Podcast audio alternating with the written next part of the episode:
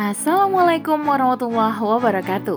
Bersua udara bersama saya Dewi Nasjak Kali ini di rubrik syiar Yang berjudul Akal sebagai pengendali hawa nafsu Oleh Maria Zawawi.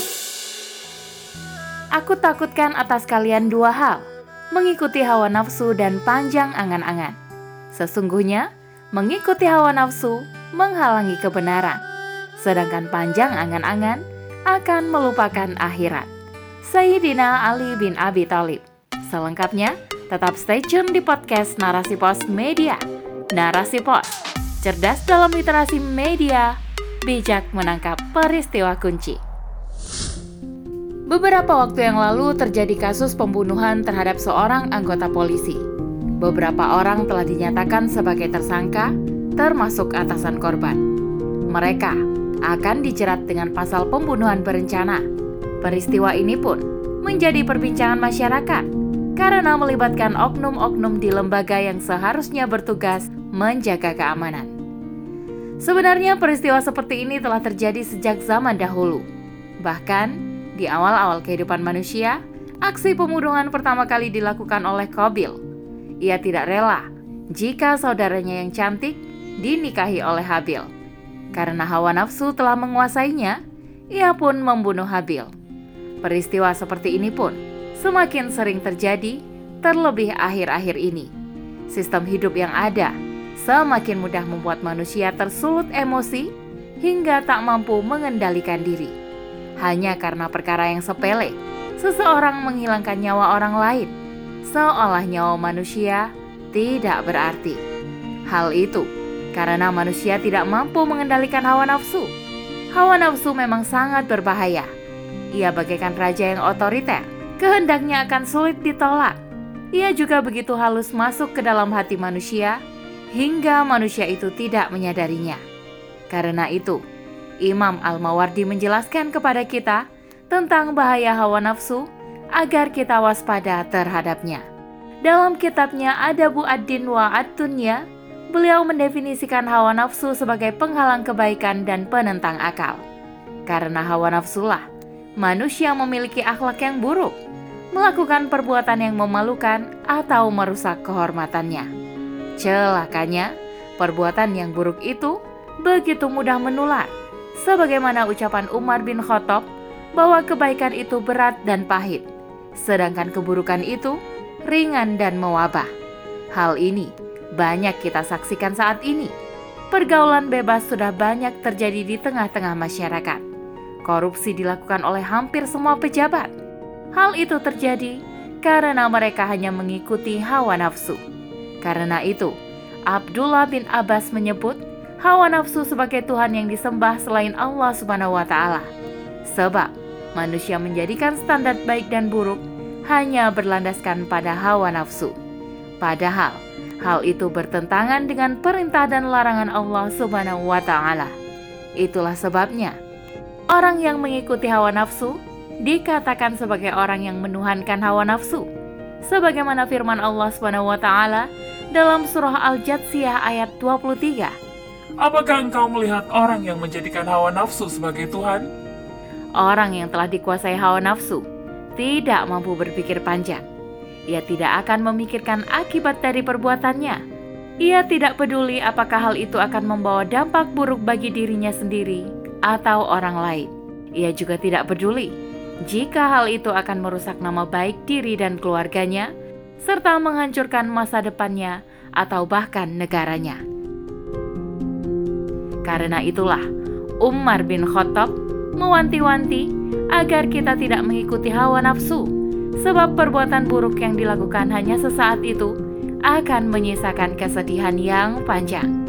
Seperti perbuatan zina yang dilakukan oleh sepasang kekasih, yang terjadi hanya dalam hitungan jam atau bahkan menit.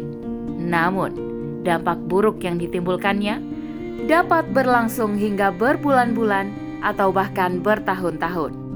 Terkadang, perbuatan buruk itu diawali dari memandang memandang barang-barang mewah, sementara tidak ada cukup dana untuk membelinya. Karena tidak mampu mengendalikan hawa nafsunya, akhirnya yang dilakukan adalah mengutang dengan cara riba.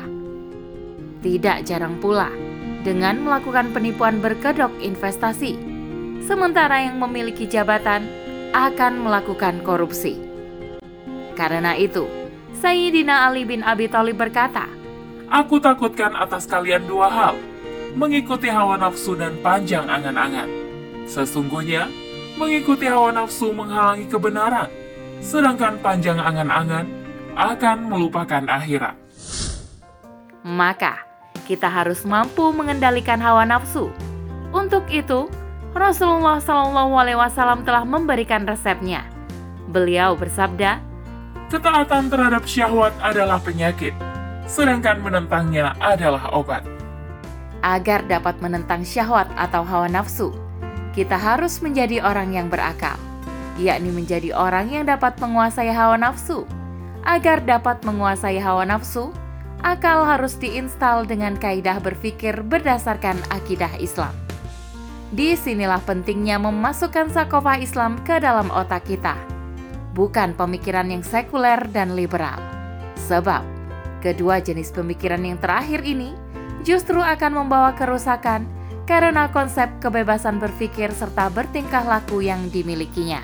Untuk menginstal otak kita dengan sakofah Islam, maka dibutuhkan guru.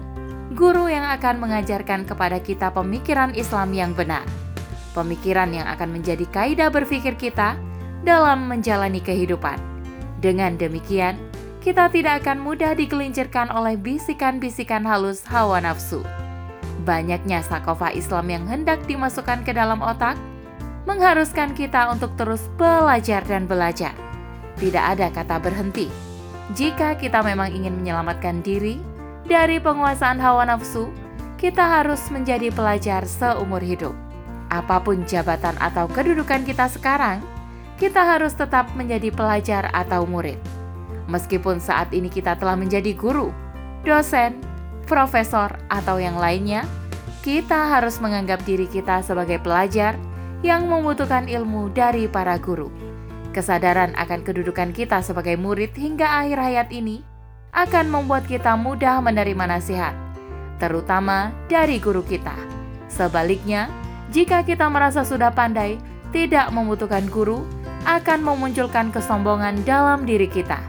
Kita akan sulit menerima nasihat karena kesombongan itu. Di samping guru, kita juga membutuhkan teman yang selalu menasehati serta mengingatkan kita saat kita keluar dari jalur yang benar. Teman dan sahabat yang baik akan mengingatkan kita jika kita melakukan kesalahan, bukan yang membiarkan dengan alasan kasihan. Karena beratnya upaya untuk mengendalikan hawa nafsu ini, para ahli balagoh mengatakan bahwa sebaik-baik manusia adalah yang mampu melawan hawa nafsu. Wajar pula jika Allah Subhanahu wa taala menjanjikan balasan yang tak ternilai kepada mereka yang mampu mengendalikan nafsunya.